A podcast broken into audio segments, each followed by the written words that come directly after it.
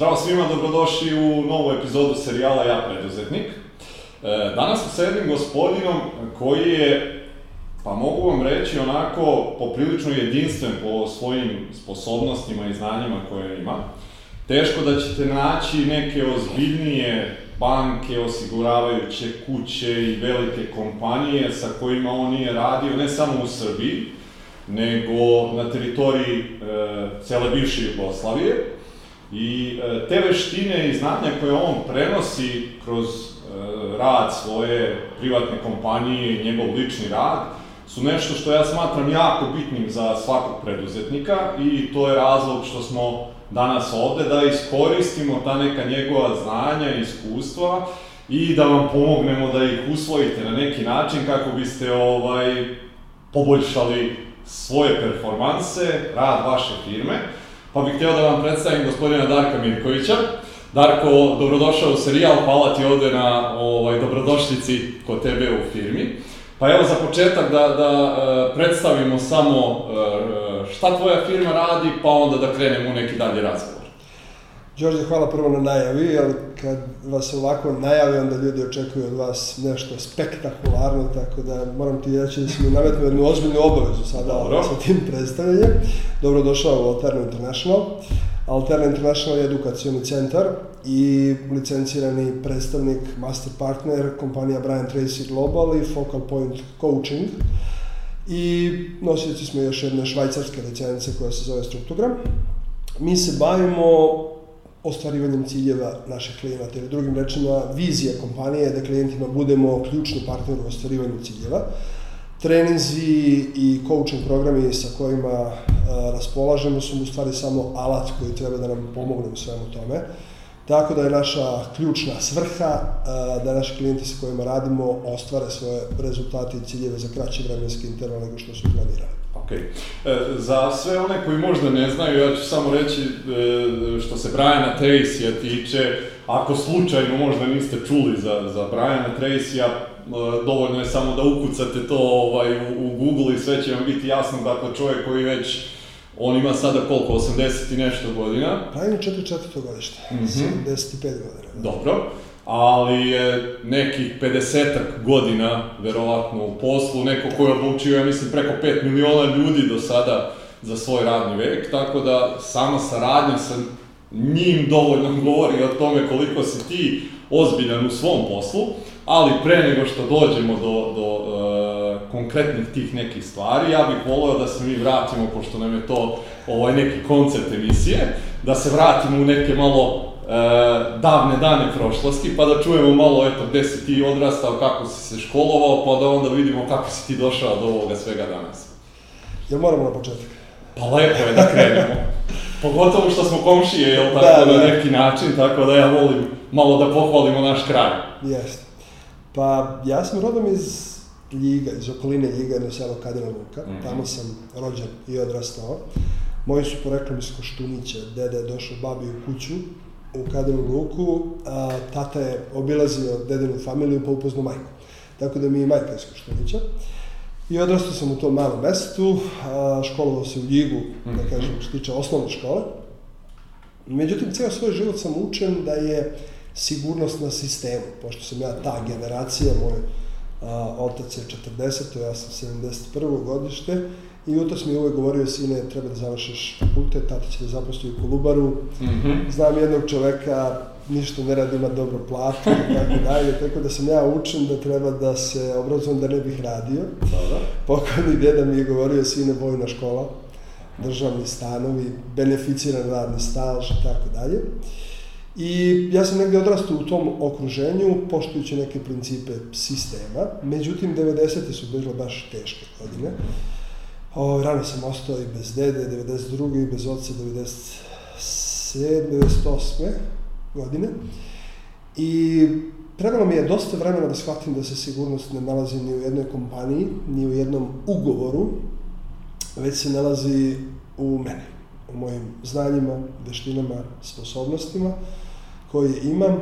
Lutao sam tražeći način kako da ostvarim neke rezultate Uh, menjao sam različite poslove, međutim rezultati su mi bili jako, jako slični. Verovatno zato što sam imao isti način razmišljanja u svojoj glavi.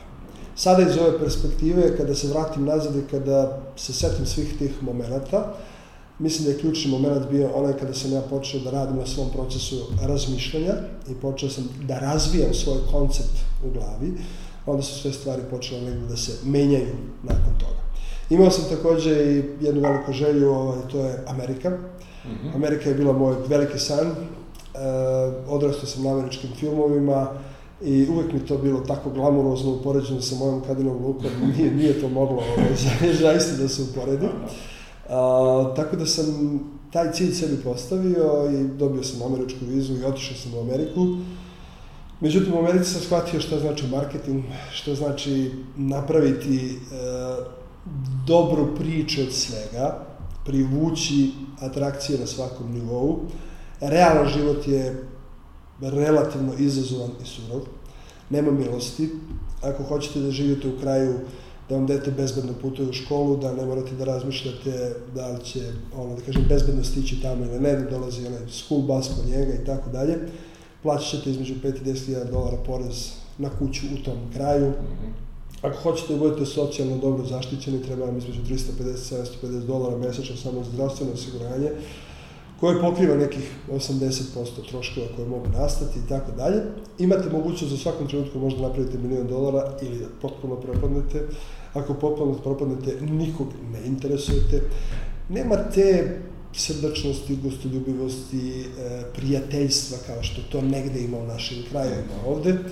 I to je bio jedan od razloga zašto sam ja donio odluku da ipak, mislim da mi je mesto tamo odakle, odakle potičem. Mm -hmm sa našim ljudima na maternjem jeziku, da razmenjujem i poslovne prilike i iskustvo i zato sam donao odluku da se vratim i da se premestim iz tog malog mesta u Beograd.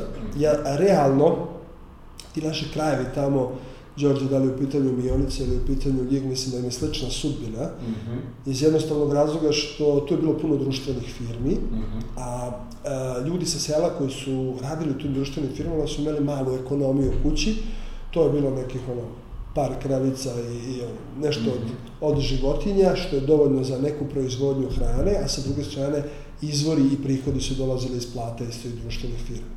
Međutim, kad su 90. godina te društvene firme, nažalost, ili na sreću, ne znam i sam, završile, završile svoju karijeru, a, većina tih porodica nisu uspele da na tom selu naprave ekonomiju od koje mogu da žive dalje. Mm -hmm. Tako da je dosta ljudi bilo prinuđeno da, da kaže, krene ka većim centrima. Mm -hmm. Između ostalog i ja, tako sam negde došao 2005. godine, nakon povratka iz Amerike u Beograd.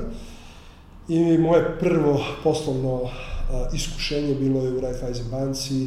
Raiffeisen je tada pokrenuo jedan projekat direktne prodaje bankarskih proizvoda. Mm -hmm. a, to je bio prvi pilot projekat agenture za prodaju kreditnih proizvoda na terenu, pre toga to niko nije radio na našim prostorima. I sam projekat je bio onako pod lupom menadžmenta da će uspeti, neće uspeti mm -hmm. i iskreno preko 90% ljudi nije ni verovalo da ima ikakvu šansu, jer realno Do tada se razmišljalo da je bankarstvo, da klijent mora da dođe u ekspozituru, traži novac i tako dalje. Da li ima smisla ići ljudima prezentovati bankarske proizvode u firme, na njihov teren, sumnjalo se. Međutim, mi smo toga napravili jedno od naj, najjačih odolenja u banci koji dan danas funkcioniše. Ja verovatno pod uh, onom željom i, pritiskom da nešto uradim i stvorim, uspeo sam tu da napravim jako dobre rezultate i negdje preko 3.500 klijenata sam uspeo da ovaj, dovedem banci za neki vremenski interval od 15 meseci. Što je bio jako dobar rezultat. Zahvaljujući tom rezultatu, onda je došla pozicija regionalnog koordinatora i dobro se sećam ovaj, kad sam dobio prvi stalni posao Mm -hmm. u Raiffeisen banci i saopštio to moje majci. Mm -hmm. Majka mi onda rekla, e sad samo ćuti. ne talasaj. talasaj, a ono ništa ne pričaj, znači sad si završio životni posao, da, pa to je ta filozofija. Da, da, jasno. Ja, mislim, uđeš u sistem i jednostavno, šta ćeš više od života. Da, da. Međutim, ja sam radio na toj poziciji nekih uh, skoro godinu i možda malo više, sve ukupno sam bio tri godine u Raiffeisenu. Bio sam zadužen da pokrijem baš te naše krajeve, tamo Ljig, Valjevo, a, čak do Loznice sa agenturom i tako dalje. Međutim, taj posao me obučio nekim stvarima od kojih danas živim. To je Mhm. kako pronaći pravu osobu za pravi posao, kako je obučiti i involvirati u sistem i kako od prosječnog čoveka napraviti nadprosječan rezultat. Mhm. Tako da su to bili neki prvi koraci. Moji, a, tu sam otkrio svoj, da li je to dar ili želja, ne znam sam, za edukaciju. A, osjetio sam da lepo, lepo mi je kada stojim ispred ljudi, kad prenosim znanje i iskustvo i osjetio sam da ljudi vole to da slušaju, da lepo reaguju na to. A, zahvaljujući tim nekim rezultatima, onda sam dobio čak od banke mogućnost da se licenciram za taj takozvani Salesforce Effectiveness projekat. Onda sam radio i obuke zaposlenih po ekspoziturama. Mhm. Provodio sam po 21 dan slušajući prodajne razgovore u svakoj ekspozituri, što mi je dalo mogućnost da na delu vidim kako to funkcioniše, šta može da se unapredi. Ali negde u meni tinjao je preduzetnik. Dobro.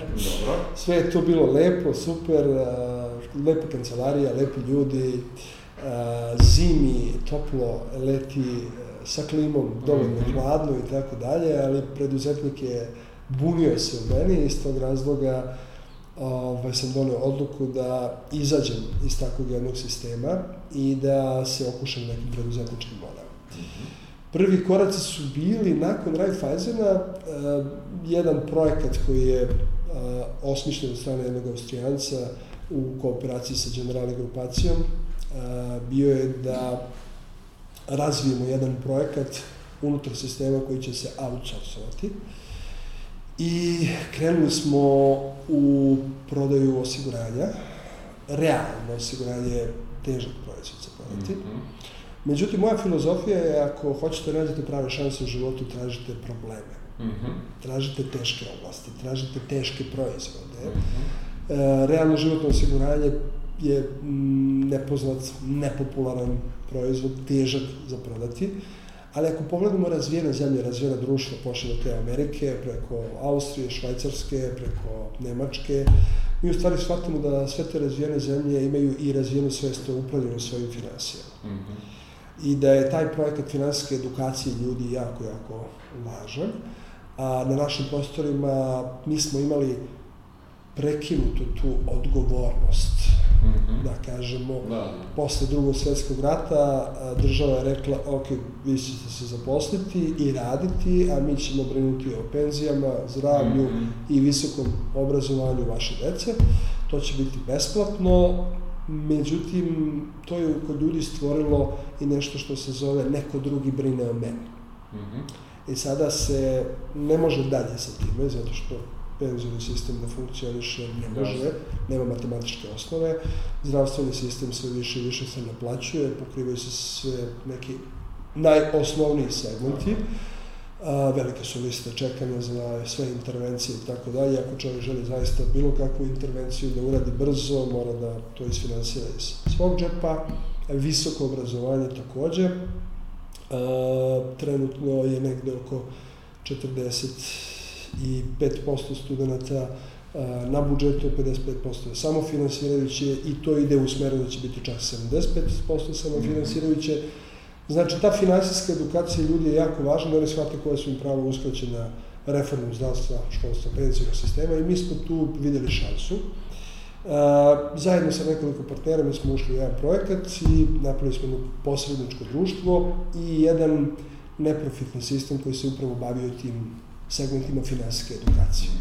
To je zaista davalo dobre rezultate, međutim, e, počeo sam sve više i više dobijem pozive za edukaciju. Mhm. Jer e, dok sam bio u banci, bilo je dosta tih mladih ljudi koje sam involvirao u sistem, obučio. Uh, oni su radili na ugovornom delu, imali su proviziju za sve što su radili. Nije banka mogla da im omogući stalno zaposlenje, što je negde želja svakoga od njih, tako da su bili dobri kadrovi za druge banke. Mhm. Da.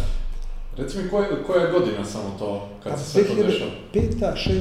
i 7. Dobro. bila Raiffeisena, 2008. sam, tačnije 1. novembra 2007. sam ja krenuo već polako. Ušao u preduzetničke vode. kao osiguranje i taj deo. Jeste. I pošto su ti ljudi polako nalazili neke svoje utočište u nekim drugim finansijskim sistemima, dobar deo njih se malo odvajao od proseka tamo i uvek kad su ih pitali ovaj, ko te naučio prodaji, mm -hmm. kako to da takav rezultat postižeš, dolazili su nekako do mog imena i ja sam počeo da dobijem pozive za edukaciju. Mm -hmm. I zato sam 2008. godine osnovao jednu svoju prvu agenciju za consulting i za edukaciju i to su bili ono, prvi koraci. Međutim, to je 2014. godine završilo sa preko 90 trening dana. Mm -hmm. I onda sam ja odlučio da napravim jedan prelaz u svojoj karijeri. Tako da sam 2015. godine potpuno otišao ka edukaciju, mm -hmm. prodao svoje deonice u društvu za posredovanje u osiguranju i prvo sam uzeo jednu švajcarsku licencu koja se zove Struktogram. Mm -hmm. Struktogram je jedna sjajna metodologija, jako jednostavna, vrlo praktična, laka za korišćenje, vrlo upotrebljiva. Koristio sam je kod sebe u poslovnom sistemu nekih 6-7 godina i veoma mi je puno pomagala meni i mojim ljudima da lako komuniciramo sa drugim ljudima i postižemo dobar rezultat, zato sam donio odluku da se licenciram i da prenosim to znanje. I onda se desilo od 2016. godine u momentu kada sam se ja raspitivao da proširim malo paletu programa, Brian Tracy sa svojim sistemom je osnovao franšizni sistem, pošto Brian ima tri poslovna sistema, ima Brian Tracy International, to je on lično, njegova kompletna intelektualna svojina. Ima Brian Tracy Global, to je franšizni sistem za njegove treninge i Focal Point Coaching, to su coaching programi koji takođe rade po njegovoj intelektualnoj svojini. Oni su tražili partnera na našim prostorima, ja sam bio zainteresovan za programe i dobio sam mail od gospodina Philipsa, dobio sam ponudu da preuzmem njihov master, da postavim njihov master partner na teritoriju bivše Jugoslavije. -hmm. Iskreno, bio sam nespreman, počastvovan, mm -hmm. jer Brian je posebna ličnost u mojom životu. Njegova literatura mi je jako puno pomogla, mm -hmm. baš puno. Posebno njegova knjiga Ciljevi. Mm -hmm. To je bio prvi pravi okidač u mom životu, koju sam pročitao 2004. godine. Mm -hmm Ova, I tada mi se desio, desio mi se baš pravi okidač. Sad sam shvatio da ja u životu nemam ciljeva, ja imam samo želje. Mm -hmm. Razlika između želje i ciljeva je velika. Mm -hmm. Tada sam prvi put u životu zaista počeo da pravim ciljeve onako školske kao što treba i sve je počelo da se menja. I Raiffeisen i sve što sam sad pričao došao nakon toga, odnosno nakon počinjenja promene e, mog koncepta razmišljanja. Mm -hmm. Tako da smo mi napravili dogovor o poslovnoj saradnji 2016. godine i tada je osnovna Alterna International kao deo preduzeća zahvaljujući, odnosno za potrebe franšize. Mm -hmm. I, eto, to je neki Dobro. E, prešli smo, eto, onako neki deo koji je od e, korporativne ovaj, tvoje karijere do preduzetničke. Spomenuo si neke stvari koje su, ovaj, onako, vratit ću se na njih, pošto želim da detaljnije porazgovaramo o njima. Još jednom bi stvarno svima preporučio, ovaj, ako nisu do sad imali e, kontakta sa Brianom Tracyjem, pošto i meni ovaj, na neki način on promenio i razmišljanje i sve to su neke prve knjige koje sam čitao o, koje su mi pomogle da se edukujem. Tad su bile ono audio kasete, pošto i meni otprilike tako negde 2004. 5 prvi put kad sam došao sa njim ovaj, u kontakt i zaista bih svima toplo preporučio da, da e, barem nešto pročitaju, sad je to dosta lakše i na YouTube ima dosta njegovih ovaj, videa. E, ono što me zanima, spomenuo si ciljeve, koje su na neki način tebi e, prvi kontakt sa i uopšte koje su imale jako značajnu ulogu u tvom razvoju. E, gde je to e, gde ljudi greše, zašto ne postavljaju ciljeve, I kako je neka metodologija, recimo, koju ti kroz svoje treninge učiš lidere, na koji način da ih postavljaju i kako da ih na kraju krajeva sprovedu u delu? Jasno. Pa mi nismo u obrazovnom sistemu učeni šta su to ciljevi i kako ih involvirati u svoje lične živote. Svaka kompanija ima biznis plan, ima strategiju sprovođenja tog biznis plana, ali veoma malo ljudi u svojim privatnim životima ima svoj biznis plan kako nešto hoće da ostvari. A, jedno istraživanje koje je rađeno, Univerzitet Yale je to prvi radio, pitali su studente završnih godina svoje vremena dva pitanja. Prvo pitanje je da li imate jasno definisane ciljeve u svom životu. Mm -hmm. I drugo pitanje je da li su tu ciljevi zapisani, razrađeni i vremenski oročeni do kada će biti mhm. ostvareni.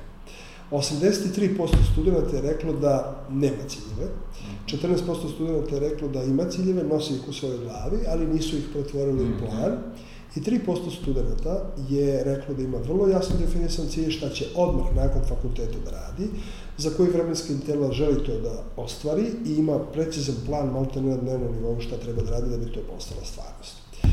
Vratili su se nakon 20 godina da pronađu sve te iste studente da vide dok su stigli u životu. Mm -hmm. I evo šta su našli. Našli su da ovih 14% koji tačno znali šta žele od svog života, ali nisu to pretvorili u plan, u proseku su pravili duplo bolje rezultate od ovih 83%. Mm -hmm.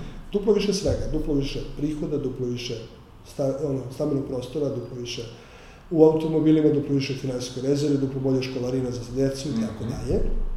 Najveća razlika se pojavila kod ovih 3%, oni su pravili 10 puta više od svih 97% zajedno. Mm -hmm. Isto to istraživanje je ponovio Harvard 25 godina nakon toga. Mm -hmm. Pitali su isto dva pitanja i dobili su isti procenat, 83, 14, 3. Mm -hmm. Vratili su se nakon 10 godina da pronađu te iste ljude i našli su isti paritet duplo i 10 puta više od odnosu na 97. Čemu se zapravo radi? Ljudski mozak je jedna fantastična mašina, nevjerojatan kompjuter. Ljudski mozak ima 100 milijardi neurona. Svaki od tih 100 milijardi neurona je ukršten sa preko 20.000 drugih neurona. Na svakom mestu da se ukršte dva neurona možda nastane jedna misao ili ideja. Mi možemo da imamo više misli i ideja nego što je molekula u celoj zgradi u kojoj se mi ovde nalazimo. Međutim, prosječna osoba ne koristi više 10% potencijala mozga, a 90% je neaktivno ili neiskorišćeno. Mozak je kao jedan kompjuter, ili drugim rečima kompjuter je pravljen na bazi ljudskog mozga. Mi imamo hardware. E, vi možete imati savršen hardware, ali ako unutra installirate loš software, mm -hmm. i ako taj loš software ubacujete loše podatke ili ih ne ubacujete na adekvatan način, on ne može da vam izbaci dobre rezultate. I kao i moj software i moje okruženje i vaspitanje jeste budi dobar, miran, slušaj, zaposli se, nemoj mnogo da talasaš i -hmm. tako dalje, to su neki softveri koji su meni instalirani u glavu kao detetu. Ovaj, međutim, kad čovjek postavi vrlo precizan cilj, tačno šta hoće, uh, merljivo to napiše, napravi svoje planove i svaki dan radi na tome da to postane realnost, jednostavno otvara se kreativni potencijal u glavi, čovjek dolazi do ideja koje mogu da mu pomogu da to ostvari, aktivira mentalne zakone, pričat ćemo kasnije malo o njima, i jednostavno se u njegovom životu počinju dešavati okolnosti i ljudi koji mu pomažu da ti ciljevi postanu. Ja to nikad nisam učio, negde u nekom segmentu formalnog obrazovanja. E, prolazeći 2000 kroz jedan onako teži period u mojoj porodici, rešavajući jedan zdravstveni problem sa jednim članom porodice, ja sam upoznao jednog doktora, jednog sjajnog, sjajnog čoveka koji je završio medicinski fakultet, nije želeo da specializira zapadnu medicinu zato što se više bavi posledicom nego uzrokom, pa je specializirao na istoku. I to je čovjek koji je meni, e, kada me je upoznao u, svim tim životnim okolnostima, on mi je rekao, ja mislim da ti imaš više potencijala, bilo potencijala koji koristiš. Nisam siguran da li to možeš u tvom malom mestu da zaista mhm. izbaciš iz sebe. Evo ti knjiga Ciljevi. -hmm. Pročitaj tu knjigu, pa ćemo nakon toga da razgovaramo. Ja sam pročitao knjigu Ciljevi u dahu. Mm -hmm. Bukvalno, znači, da li sam ja bio spreman za tu knjigu ili ili jednostavno ono meni legla u ovom mhm. trenutku zaista nije ni bitno, ali tada sam morao sam sa sobom da porazgovaram šta ja zapravo hoću od života i da li ja treba da budem kreator svoje sudbine ili okolnosti treba da budu kreator mog života. I ja sam pročitao tu knjigu, zapisao ključne parametre iz te knjige, vratio sam tu knjigu doktoru Markoviću i kasnije sam kupio tu istu knjigu da bi mogao dalje da nastavim da čitam, jer realno trebate pročitati jedno delo dva, tri puta, mm -hmm. uvek ga različito yes. čitate nakon toga. I to je bio jedan veliki okidač. A, 2016. godine kada smo napravili e, ugovor sa Brianom Tracyom, Brian je dolazio u Beograd, mm -hmm. Bio je gospodin Andrew Phillips i Brian Tracy. Mi smo u Crown Plaza napravili uh, zvanično potpisivanje ugovora, napravili smo jedan skup gde sam ja pozvao 30 mojih klijenata i najbližih partnera ove, sa kojima sarađujem i nekako smo to ozvaničili lepo. Mm -hmm. Andrew je održao jedan kratak govor, Brian je održao jedan kratak govor, međutim, ja sam iskoristio tu priliku da pozvao sam doktora Markovića i pitao sam ga da li je ona knjiga koju su mi dao 2004. godine još uvijek živa. Mm -hmm. On mi je rekao, verovatno jeste, pošto ja nikom ne dajem knjige, ti mi jedini vratiš. Ove, I onda me pozvao i rekao mi je da, živa je. Ja kažem, da li mogu da je dobijem ponovo, da je pročitam, hoću da spremim nešto za Briana. I on kaže, naravno, i da mi tu knjigu ponovo. I ja uzmem tu knjigu i odem kod Brajana i Andrewa i ispričam priču o toj knjizi mm -hmm. i zamolim Brajana da baš u tu knjigu napiše poslatu za doktora Markovića i Brian je ovaj, napisao posvetu i mi baš kad smo, kad je završao taj deo, kad se Andrew i Brian završili svoje govore, ja sam onda ustao i ovaj, rekao sam da vam se nekad u životu, kad prolazite kroz teške periode, pojave neki ljudi koji vam pomognu da to rešite, u stvari vam potpuno promene tog mm -hmm. života. Tako ovaj, sam ispričao auditorijumu priču o toj knjizi i onda zamolio porodicu Marković da izađe da im mm -hmm. dam tu knjigu, ali ovaj put sa mm -hmm. Brianom posvetom, tako da moram priznati da je bilo jako emocionalno, ali svi su plakali. Doktor Marković, čovjek koji a, održao preko hiljadu i po predavanja razno raznih i tako dalje, znači on je uzeo tu knjigu i jednom trenutku nije mogao da izgovori ni reč. Mm -hmm. Posle toga me pozvao telefonom i rekao mi je, ja imam 52 godine, nikad u životu nisam bio u situaciji da nemam novac. Hvala ti za ovo što si mi učinio, tako da to su divni momenti ovaj, u životu da. meni. E, zanima me sad, e, kad si se ti otisnuo u preduzetničke vode, e, šta je tebi bio najveći izazov u tom trenutku, obzirom da si došao iz korporativnog sveta, ušao si bez nekog preduzetničkog iskustva, bez bilo čega, šta su tebi bili najveći izazovi tada? Pa ja sam sebi. Mm -hmm. Iskreno, sad baš uh, radim kroz neke programe sa ljudima kako nastaju blokade, uh, kako nastaju strahovi u nama, šta se tu zapravo dešava u nama, jer dete kada se rodi, rodi se sa dve veličanstvene prednosti. Prvo prednost je ničeg se ne plaši. Mm -hmm. Sve hoće da dodine, istraži, mm -hmm. proba i tako dalje. Jedina dva straha sa kojim se deca rađaju je strah od izmicanja tla ili strah od visine. I drugi strah je e, strah od preteranog tona ili buke. Dete su jako osetljive mm -hmm. na, na, na buku. Ostali strahovi ne postoje. Mm -hmm. e, kada deca uče, uče na dva načina. Prvi način je imitacija, oponašaju svoje roditelje, mm -hmm. a drugi način je krećući se od bola ka zadovoljstvu ili od nelagodnosti ka lagodnosti. Deca se trude sve vreme da izbegnu bol i da imaju zadovoljstvo. Realno mi to radimo cijel život. Mm -hmm. tako, to tako je. Međutim, deca kada se rode, desa im se dve strašne stvari u životu. Prva strašna stvar se zove vaspitanje. Mm -hmm. Prosječno dete do 18. godine preko 150.000 puta čuje reč ne. Mm -hmm. Na svakih 8 do 17 izgovorenih ne, dete jedva dobije jedno na svakih osam kritika dete jedno dobije jedno ohrabrenje ili, ajde da kažem, pohvalu za ono što radi. A, kada se dete rodi, čitava ličnost deteta se formira u prvih 3 do 5 godina života, zahvaljujući količini ljubavi i zagrljaja koje dete dobije od svojih roditelja. Što dete dobije više ljubavi i zagrljaja od svojih roditelja, dete podsvesno stvara lepšu sliku o sebi. Mm -hmm. Dete kaže ja sam dobar, ja sam vredan, ja volim sebe i tako dalje. Kad razvije tu ljubav prema sebi, u isto vreme razvija i samopouzdanje. Tek nakon pete godine dete ima taj racionalni mozak da razdvoji šta je dobro, šta nije dobro, šta je loše, šta nije loše. Mm -hmm.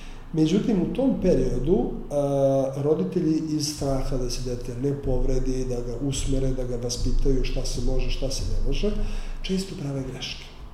Greške su u vidu emotivnog ili fizičkog kažnjavanja kada roditelji viču na dete, dete ne može da razdvoji da li roditelj viče na njegovo delo ili viče na njega. Mm -hmm. Dete sve shvata lično. I isto, ne možemo mi to u odrasle dobi nekada da razdvojimo. Na primjer, vi imate u korporaciji, kažete zaposlenom da nešto ne radi kako treba, on se najuti. Da. Ne me shvatite. Iako ste vrlo precizni u svemu -hmm. tome, možete da mislite kakav dete to ne može da razdvoji. Još pogotovo kad tu dođe neka fizička kažnjavanja i tako dalje, samo da budemo načisto, roditelji to nikad ne rade namerno. Jasno, jasno. Roditelji to rade zato što to njihovi roditelji radili s njima, a roditelji njihovih roditelji su to radili sa njima. I dete tada, svaki put kada je kažnjeno, znači da li fizički, da li, da li ovaj, vikano na njega i tako dalje, počinje da misle da s njim nešto nije dovoljno dobro. Da nije dovoljno sposobno, da nije dovoljno vredno, da nije dovoljno pametno. A, verovatno sa mnom nešto nije u redu, činovi koji treba najviše da me vole na svetu, se tako ponašaju prema meni. I tu se razvijaju dva najveća straha ljudskog roda.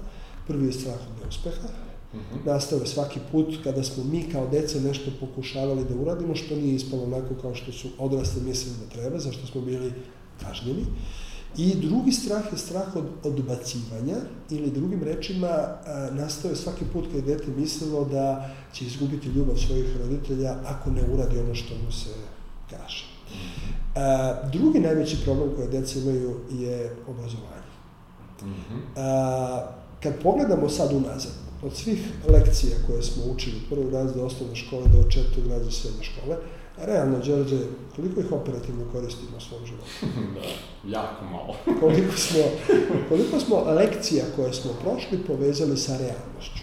Mm -hmm. I da li se slažemo da smo više učili o mebi, fotosintezi i ostalim stvarima nego o ljudskom telu i o nekim stvarima kako funkcioniš. Još jedan jako zanimljiv detalj, a to je ako pogledamo sve domaće zadatke koji su nam ikad pregledane, i sve pismene zadatke koji su nam pregledani, na što nam je prvo ukazano. No, na greške. Koje je moje... Crveno. Tako. znači, nama se cijel život lovi greška mm -hmm. i trpimo kazne za to što je mm -hmm. ovaj, se desilo. Iz tog razloga, uh, veliki broj ljudi je u svoj um uh, ubacilo jedan šablon koji kaže moram da radim ono što se od mene traži da ne bih dospeo u nevolju. E, tako i dete, da bi izbeglo kaznu, da bi izbeglo e, bol, ono počinje polako da radi ono što roditelj od njega traži. Usmerava ga roditelj, znači, ok, da ne izgubim ljubav, da ne izgubim bol, bolje da radim to, nego da radim ovo. Da, želim da radim ovo, ali ipak mi je sigurnije da idem ovom stazom, jer time neću biti povređen. -hmm. I često se dešava moram, ali ne mogu. Ne mogu, ali moram. To je taj unutrašnji govor koje dete ima samo sa sobom u takvom okruženju. I sada se sve to polako prenese u odraslu dobu. Da većina ljudi traže siguran posao, mm -hmm. sa fiksnom platom, neko drugi mora da mu garantuje da će na kraju meseca imati dovoljno za egzistenciju, a nisam siguran da li ja mogu da garantujem da ću isporučiti tu tu vrstu zadatka ili posla i tako dalje.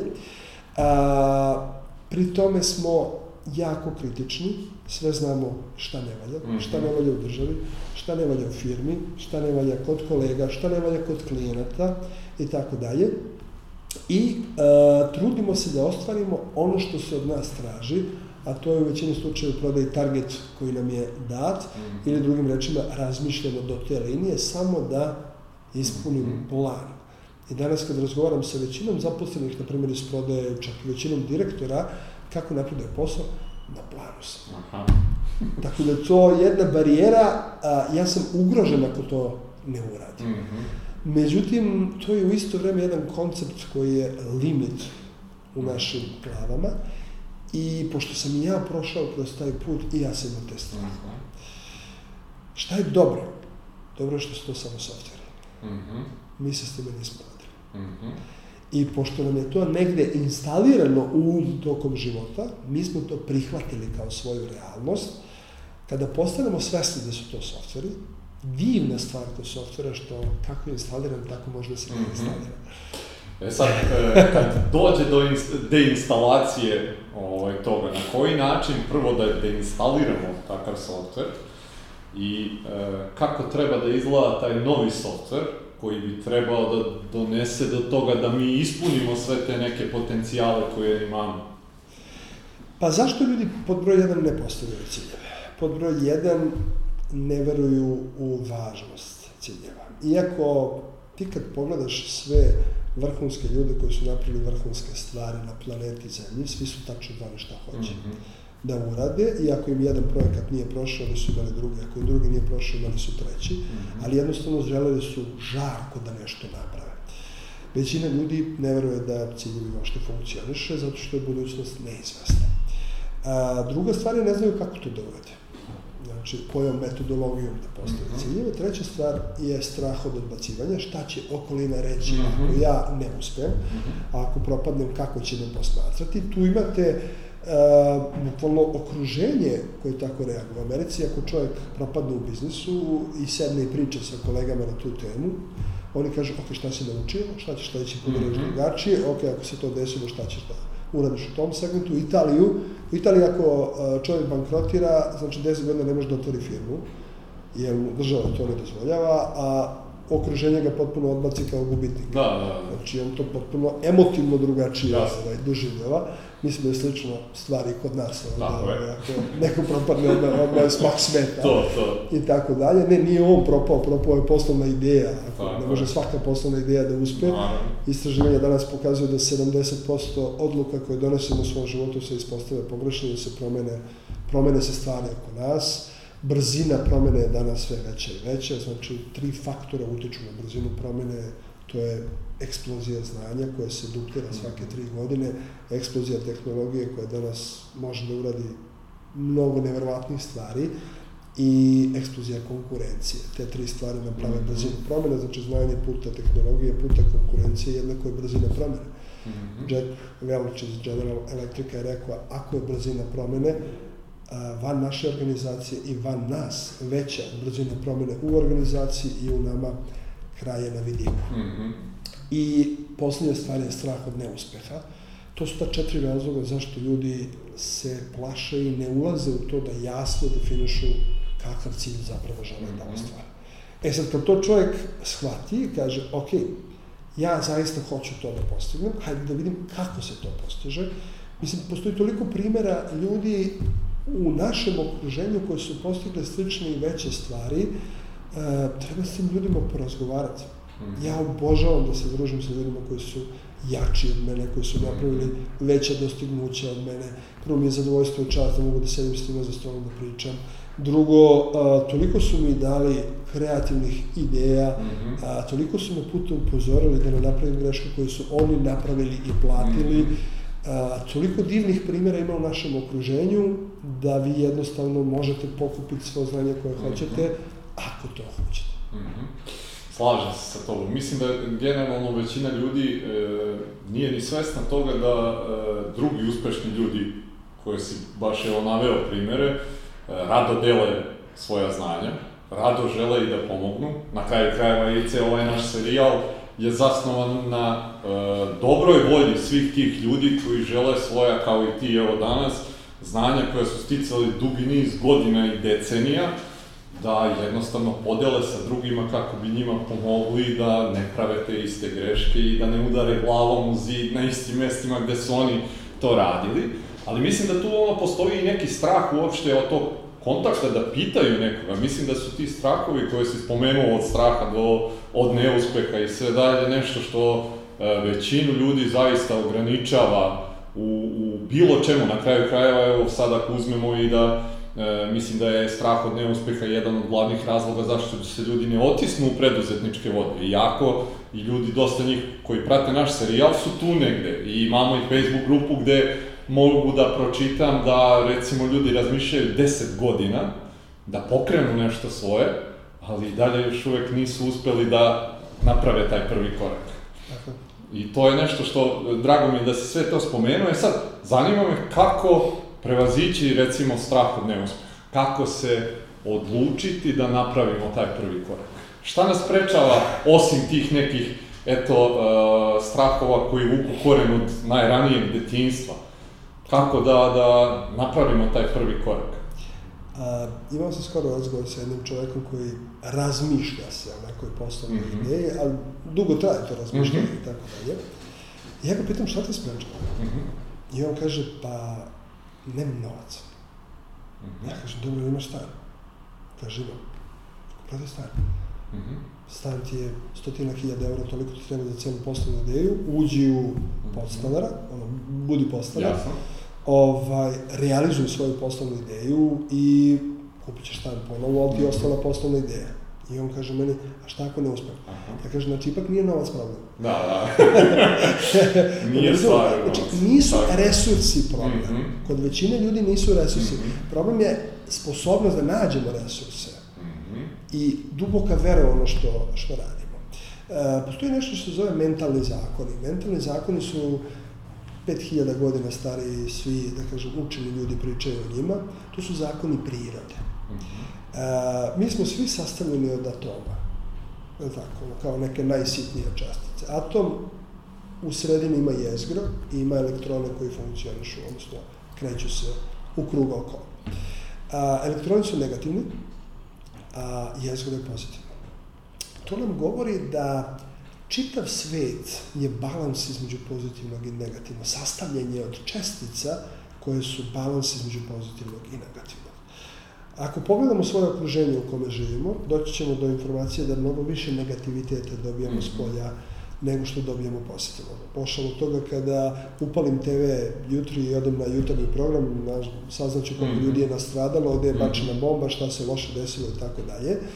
A, kupim jutarnje novine, bilo šta šokantno na naslovnim stranicama, jedino ako je Novak on je osvojio još jednu nagradu da. ili neki sportisti, dobio neko malo parče tu na naslovnoj strani, ali skandal, šokantno prevara i tako dalje su glavne vesti. Tako da smo mi svakodnevno okruženi tim negativitetom. E sada, ako je osnovna čestica od koje smo mi sastavljeni, balans između pozitivnog i negativnog, šta čovjek mora da radi svaki dan da bi bio u balansu? Mhm. Mora sam sebe da puni pozitivnim mm -hmm. stvarima. I najveći problem je zapravo to što ljudi ne rade na sebi. Uh, ne rade svakodnevno na sebi, uh, nego oni su stvorili u svojoj glavi nešto što se zove koncept razmišljanja. S tim konceptom razmišljanja se nisu rodili. Instalirali su ga tokom života. Imaju neki svoj temperament koji im je prirodno dat po rođenju.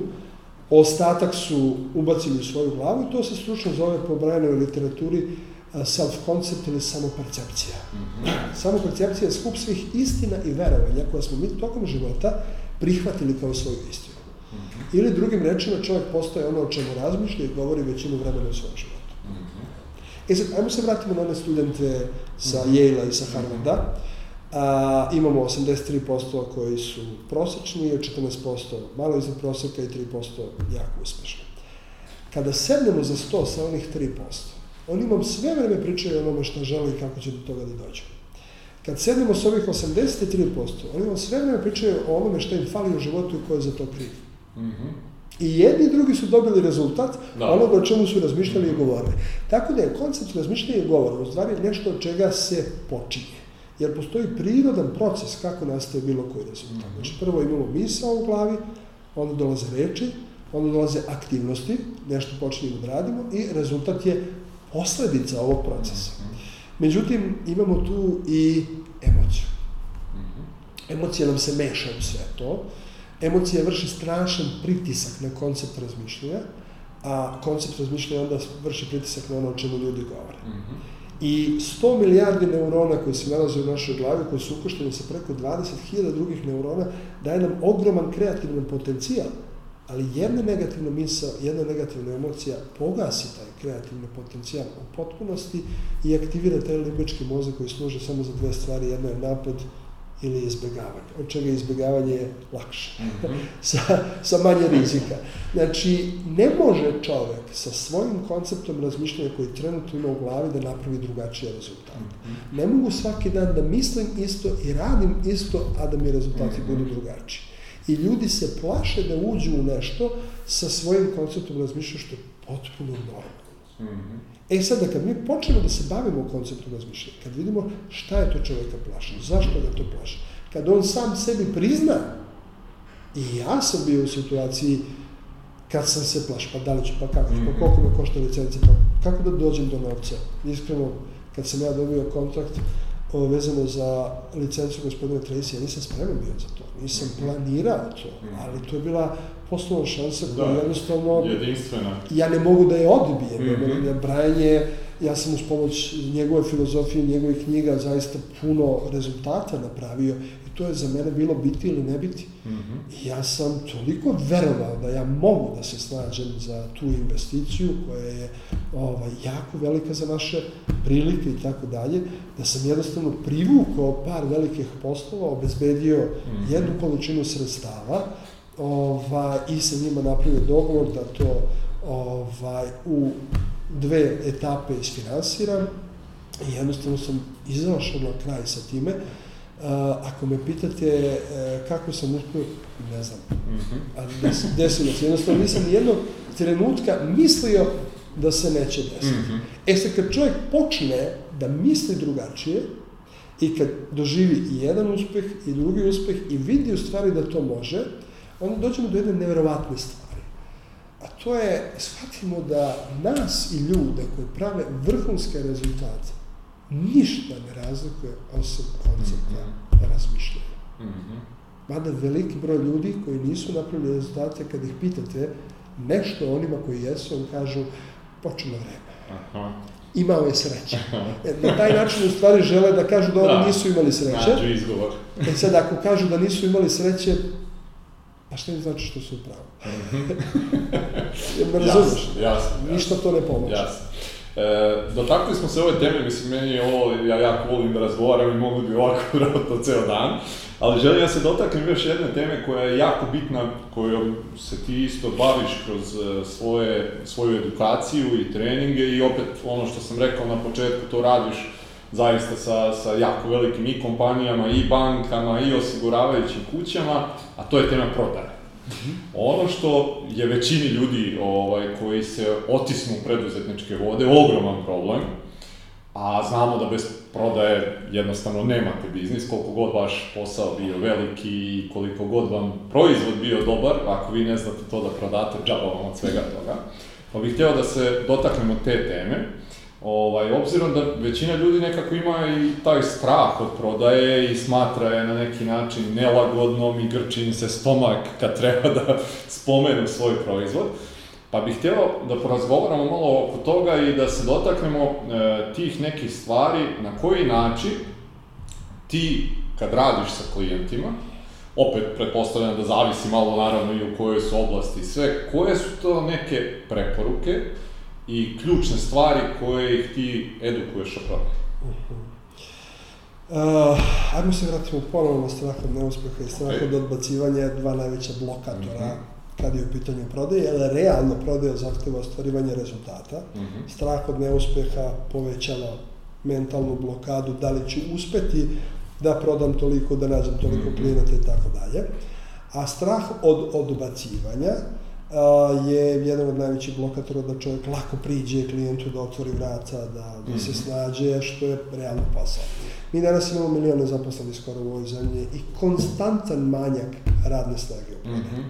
Znači, prodaja i prodajni management su dva, po meni, možda najdeficitarnije oblasti, samo zato što je tamo rezultat našeg rada jako merljiv. Mm -hmm. Otvoren, viden, ja. da smo napravili ili da, nismo napravili.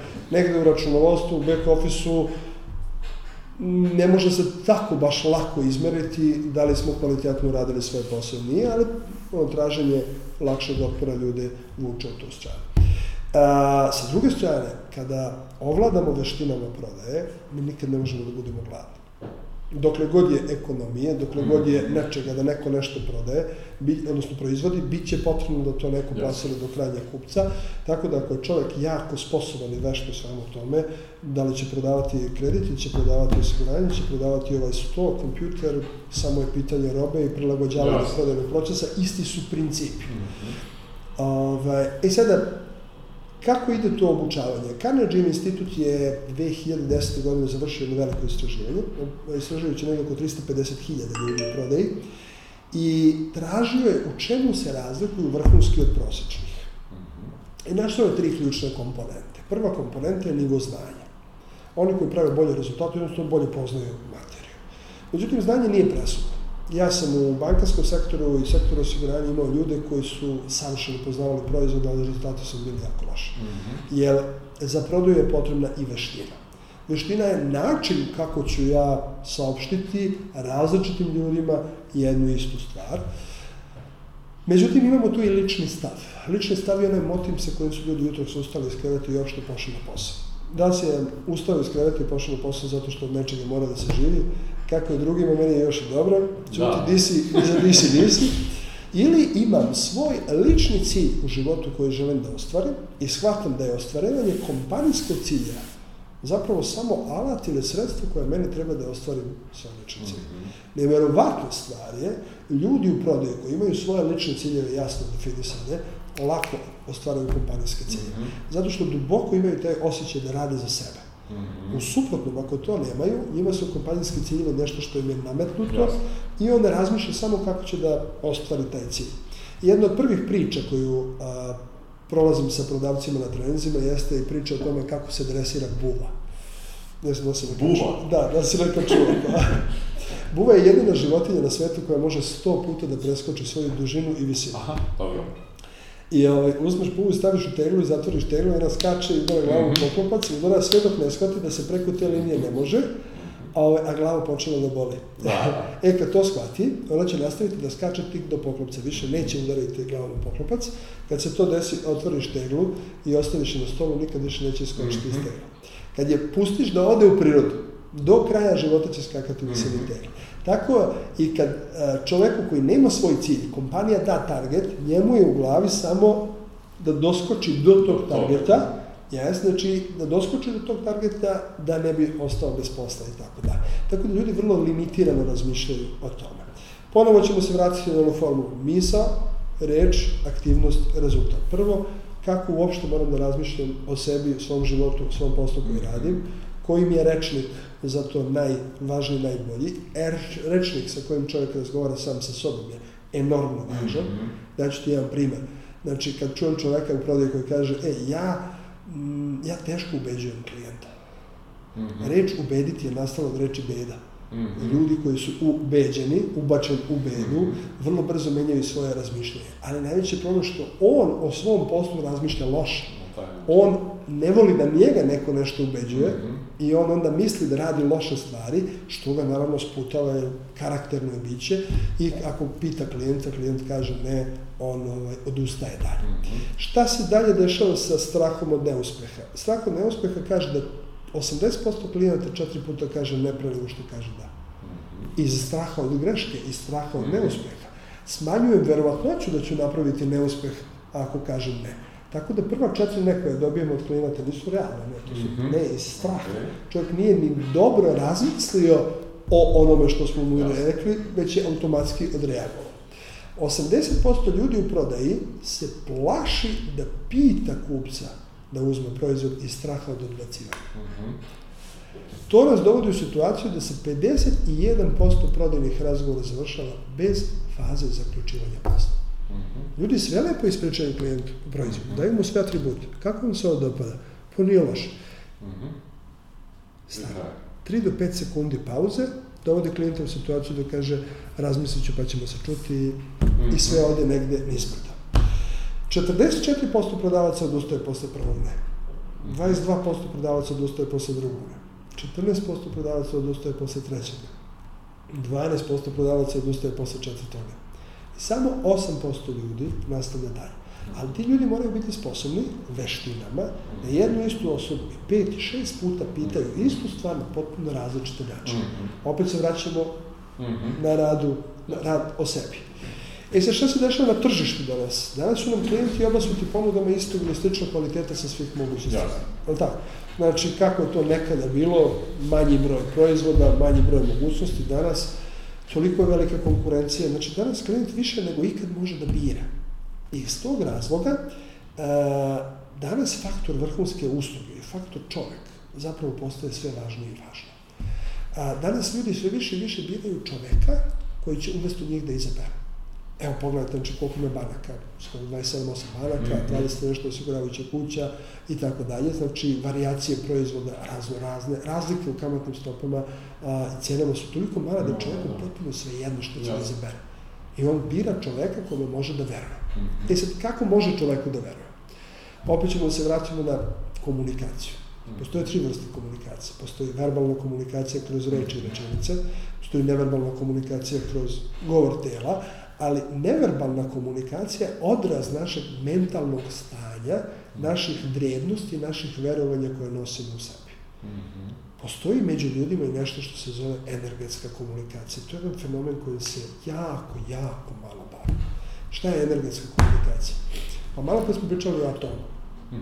Svaki atom, znači ima elektrone ove koji ide u krug, ima jezgro, ima svoju frekvenciju. Zato što elektron i jezgro sastavljaju od energije koja je grupisana.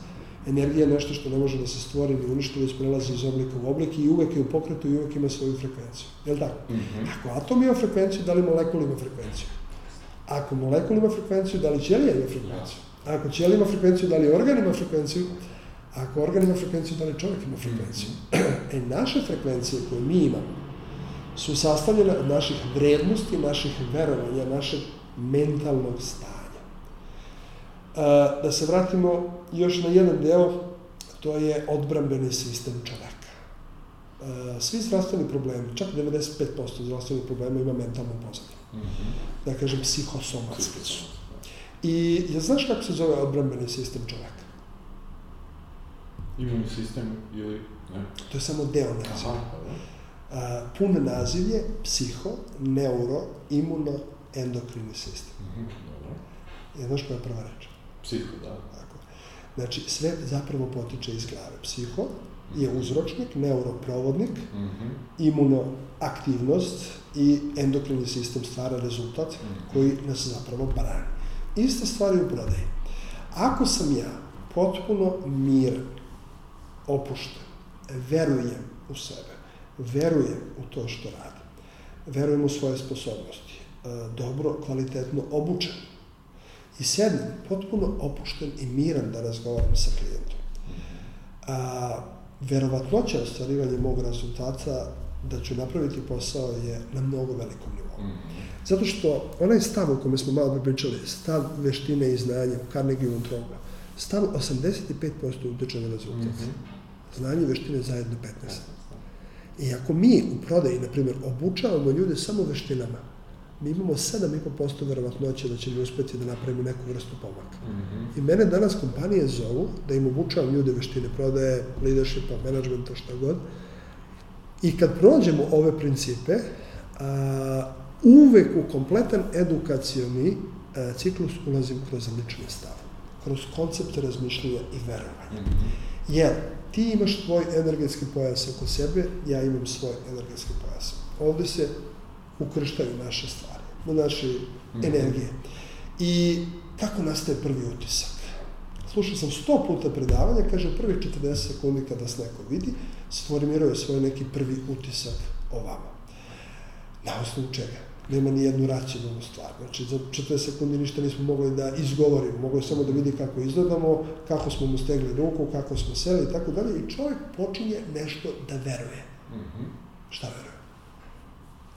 On sedne sa nama za sto, jednostavno nas je snimio kroz svoju prizmu, ali kada su nam se energije ukrstile, njemu se vratila informacija do njegovog tela, do njegovog centra za intuiciju, nama se vratila informacija i ako smo mi čistih namera, opušteni, mirni, naše frekvencije su dobre. Mm -hmm. I on čovjek počinje da osjeća da nema opasnosti. Ako nema opasnosti za njega, on se opušta. Ako se opušta i počinje da veruje, a poverenje je iracionalna stvar. Nikad nam, nikad nam niko od klijenata nije rekao izračuna sam da mogu da ti verujem, nego ljudi kažu osjećam da mogu da verujem.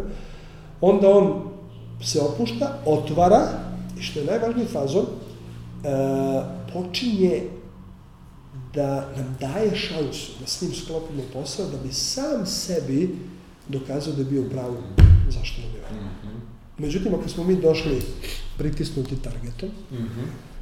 Kraj meseca, ako sad ne prodam, da. ništa nisam uradio, znači došao sam već po, po grču, razmišljam kako da ga slomim, Mhm. ono, koristim reči koje najčešće slušam na predavanju i tako dalje, i sednem s čovekom i ono, u grču sam, sad ja gledam, čitam ga, šta on radi i tako dalje, čovjek jednostavno počne da osjeća da mu tu nešto ne odgovara i on se samo zatvori. Ok. Ni sam ne zna zašto, jednostavno on osjeti da smo mi došli s njim da razgovaramo zbog našeg interesa, a ne zbog njegovog. Mhm. Najjači smo u prodaji, kad uopšte ne moramo da prodamo. Mhm.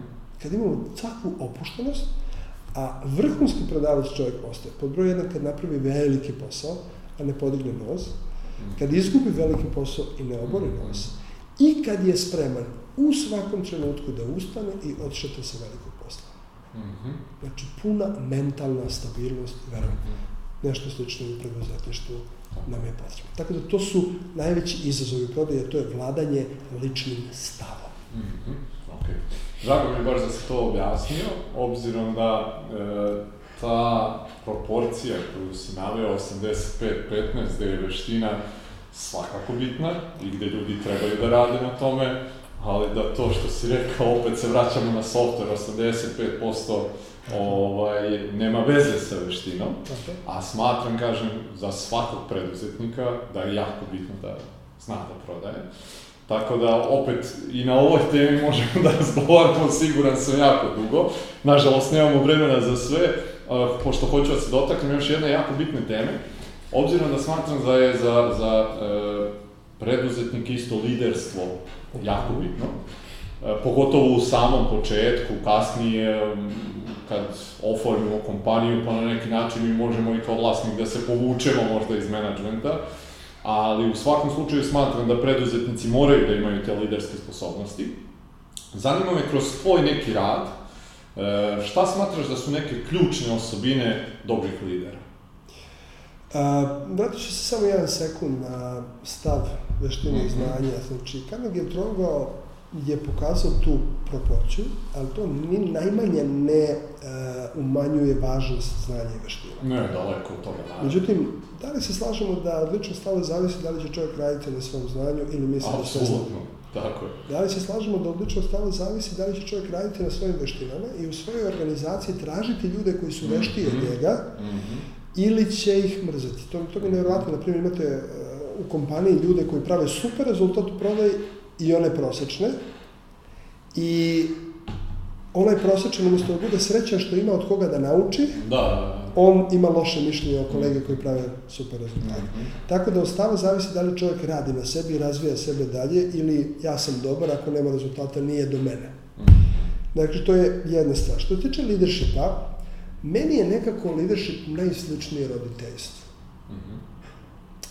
A, zato što šta se dešava sa, sa time kad čovjek ima dete? Znači, on usmerava svoje dete, pokazuje mu pažnju, pokazuje mu ljubav, pokazuje mu a, da mu je stalo do njega, a, ako je potrebno nekad malo i discipline, stalno ga usmerava, a, dok ga na jednom trenutku ne dovede u životnu situaciju da dete bude bolje od njega i da se divi njegovim dostignućima i tako dalje.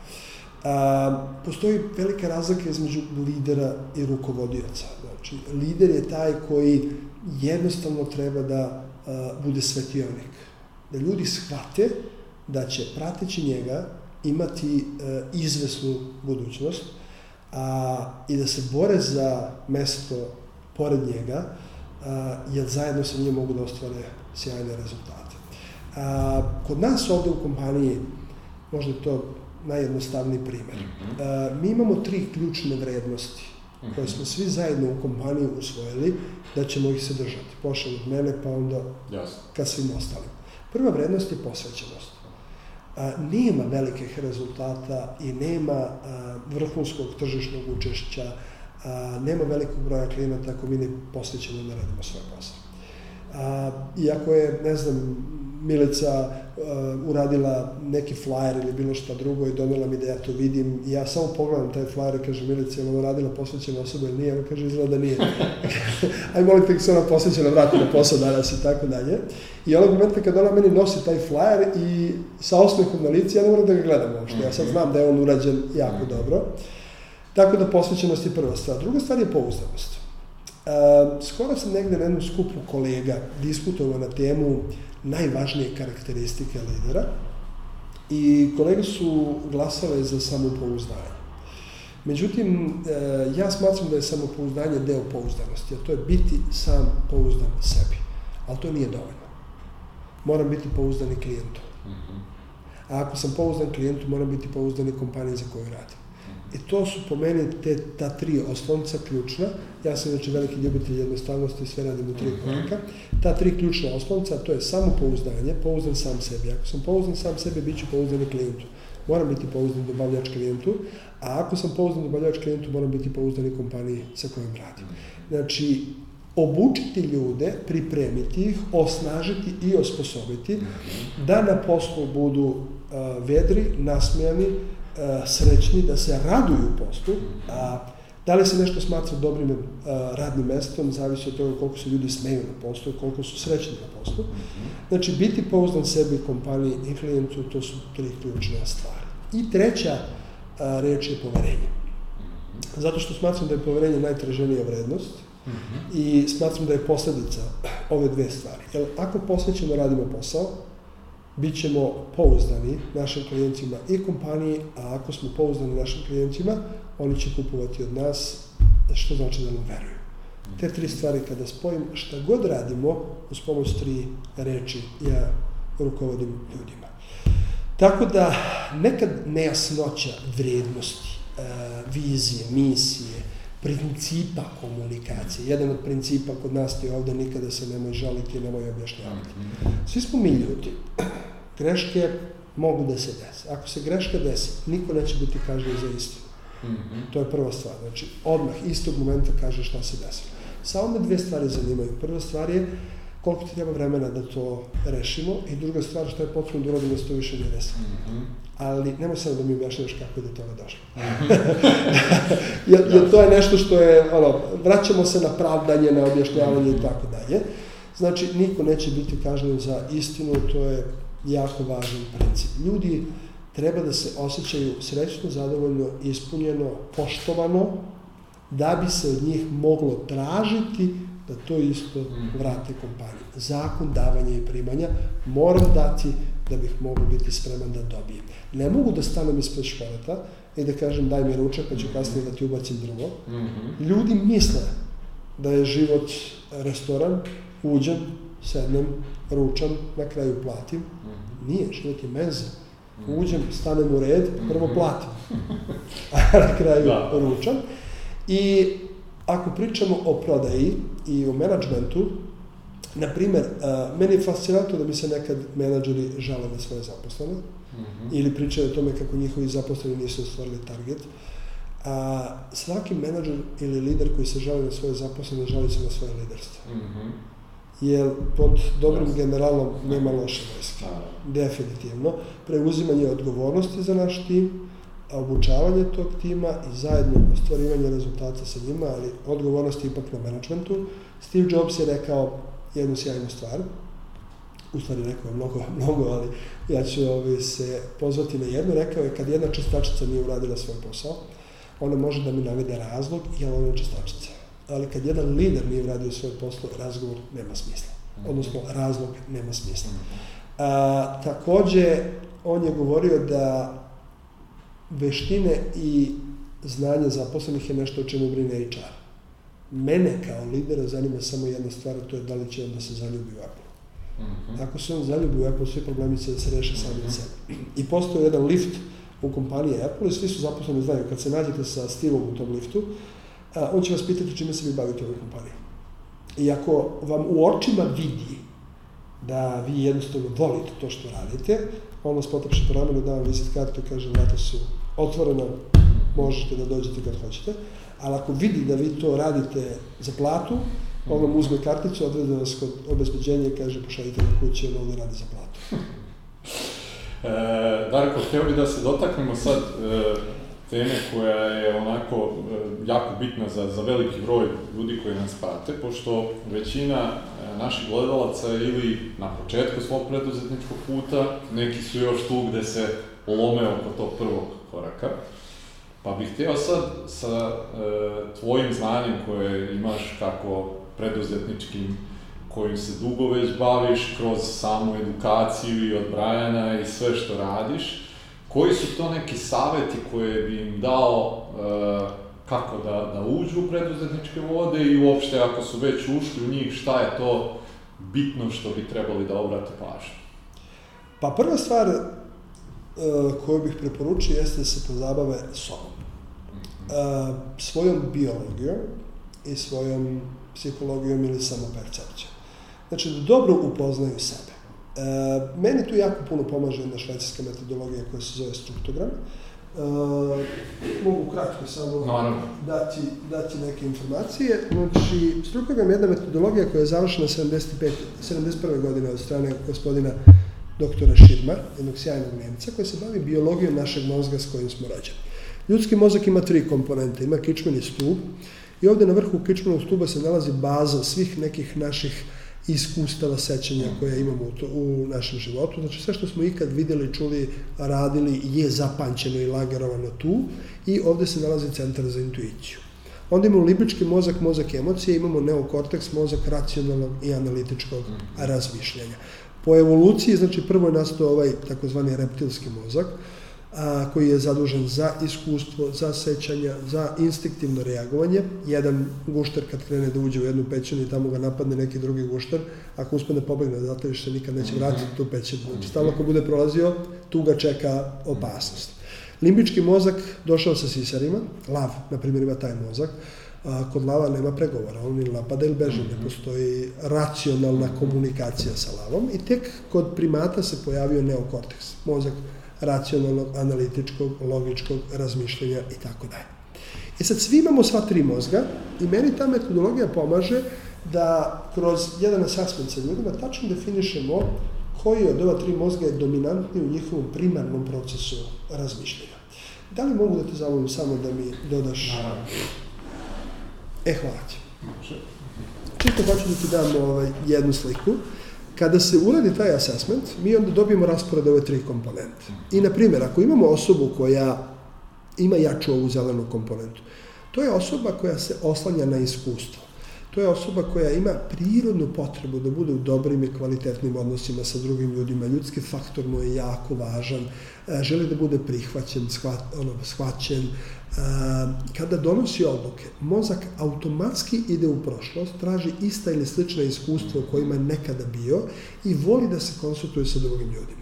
Što znači kad mu se pojavi poslovna šansa, poslovna mogućnost, on prvo traži tragove takvog iskustva u svojoj glavi. Ako nema tragove, onda traži od sebi bliskih ljudi da vidi šta će mu oni reći. Pošto ti bliski ljudi znaju nekada da budu i destruktivni, često su to ljudi iz najbližeg okruženja, pa nemoj, pa pusti, pa i tako dalje, i tako dalje, to poveća u njemu dozu straha i on teže odluči po pitanju toga. Ako imamo ljude koji imaju ovu komponentu jaču, njima je sadašnjost glavni vremenski interval. Oni razmišljaju trenutno, instinktivno, vole da rizikuju, vole da se kockaju, brzo donose odluke, često brže, brže i planu, brže se i ugase i tako dalje, vole da se takmiče, vole da se ističu i vole da pobeđuju. To je prirod, znači prirodni nagon za pobedom. Sa druge strane, ako imamo ovakav a, struktogram, to su ljudi koji su analitični, mirni, povučeni, vrlo redko idu na prvu loptu, šta god im predložete, oni prvo traže šta može biti posledica te odluke, pa tek onda šta može biti prednost te odluke. Znači, mozak im ide automatski u budućnost mm -hmm. i traži gde može biti problem, pa gde može biti korist, pa ako je razlika između problema i koristi jako velika, znači postoji logika da tako nešto ovaj, treba uraditi, ali proveravaju više varijanti rešenja i vole da to zakonski, pravno sve bude uređeno kako treba. E sad, pošto imamo svi sve tri komponente, to je naš taj prirodni software ili hardware nam je tako setovan. E, na ovaj hardware on dolazi samo percepcija, soft skills, strahovi i ostale stvari. I sada kada ljudi ovo upoznaju, a sa druge strane upoznaju i osveste svoje strahove, oni su došli do jednog veoma važnog odgovora na pitanje, a to je zašto ja razmišljam baš tako kao što razmišljam. I da li je moja istina u glavi zapravo jedina istina ili je subjektivna, odnosno samo moja. I onda bolje razumeju sebe i svoje postupke ovaj, koje imaju. Naprimer, radio sam sa mnogim preduzetnicima, neki od njih su, na primjer, zeleni, gdje njihovi menadžeri koji imaju drugačiju strukturu nezadovoljni su nekim radnicima, ali oni ne daju da ih otpuste ni za što na svetu, jer imaju taj, taj ljudski faktor im se negde provlači kroz njih. I gledajte šta sam otkrio. A, ljudi koji imaju prirodniju, ne mora da znači uopšte, da su samo oni dobri prodavci.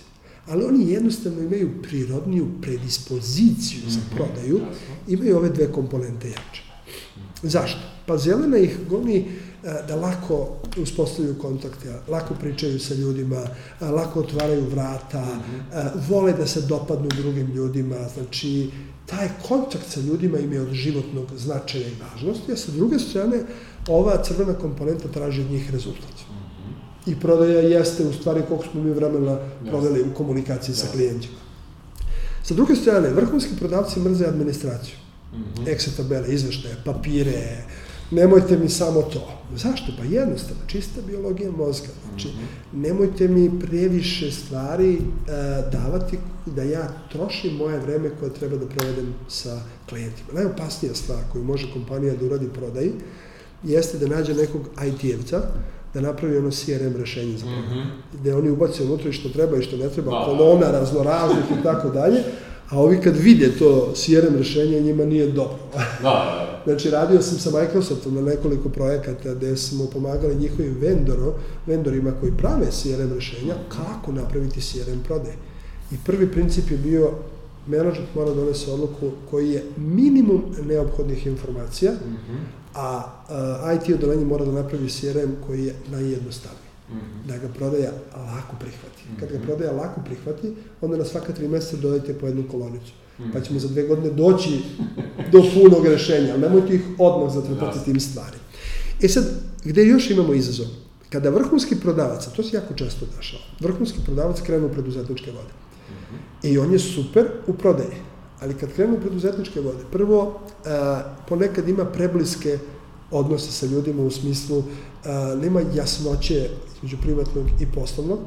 Dobar prodavac je uvek dobar kupac, a dobar kupac kupuje izgovore svojih mhm. zaposlenih i tako dalje i to krene da mu stvara jednu problematiku. S druge strane, preduzetnik ili menadžer moraju da budu dobri u strateškom razmišljanju. Zato što a, preduzetnici budućnosti ne rešavaju probleme, oni ih predviđaju. Mhm. I pomeraju korake da ne dođe do određenog problema. Tako da je tu negde izazov. U menadžmentu, na primer, primetio sam da lakše plivaju ljudi koji imaju ove dve komponente jače.